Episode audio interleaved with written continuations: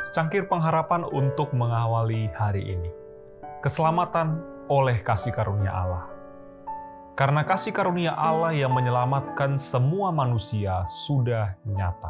Titus 2 ayat 11. Yesus telah memberikan cawan berkat kepada mereka yang merasa bahwa mereka kaya dan aku telah memperkaya diriku dan tidak kekurangan apa-apa dan mereka telah berpaling dengan cemooh dari pemberian yang penuh kemurahan hati itu.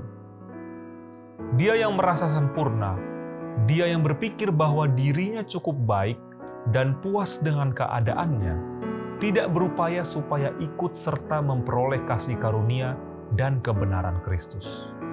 Kesombongan tidak merasakan keperluan, dan itu menutupi hati terhadap Kristus dan berkat-berkat tak terbatas yang akan Dia berikan. Tidak ada tempat bagi Yesus di dalam hati orang yang demikian.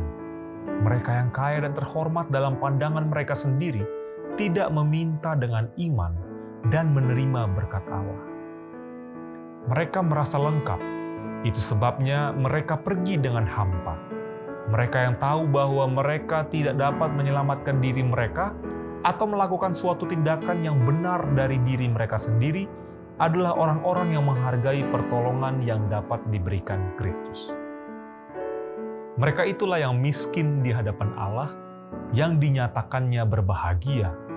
Siapa yang diampuni Kristus, dialah yang pertama membuat menyesal, dan tugas Roh Kuduslah menyadarkan orang terhadap dosa. Mereka yang hatinya telah digerakkan oleh roh Allah yang memberikan keyakinan, melihat bahwa tidak ada kebaikan dalam diri mereka. Mereka lihat bahwa semua yang pernah mereka lakukan adalah bercampur dengan diri dan dosa.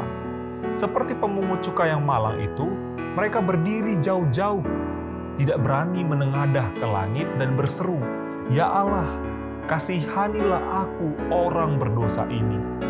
Dan mereka diberkati. Ada pengampunan bagi orang yang menyesal, karena Kristus adalah anak domba Allah yang menghapus dosa dunia.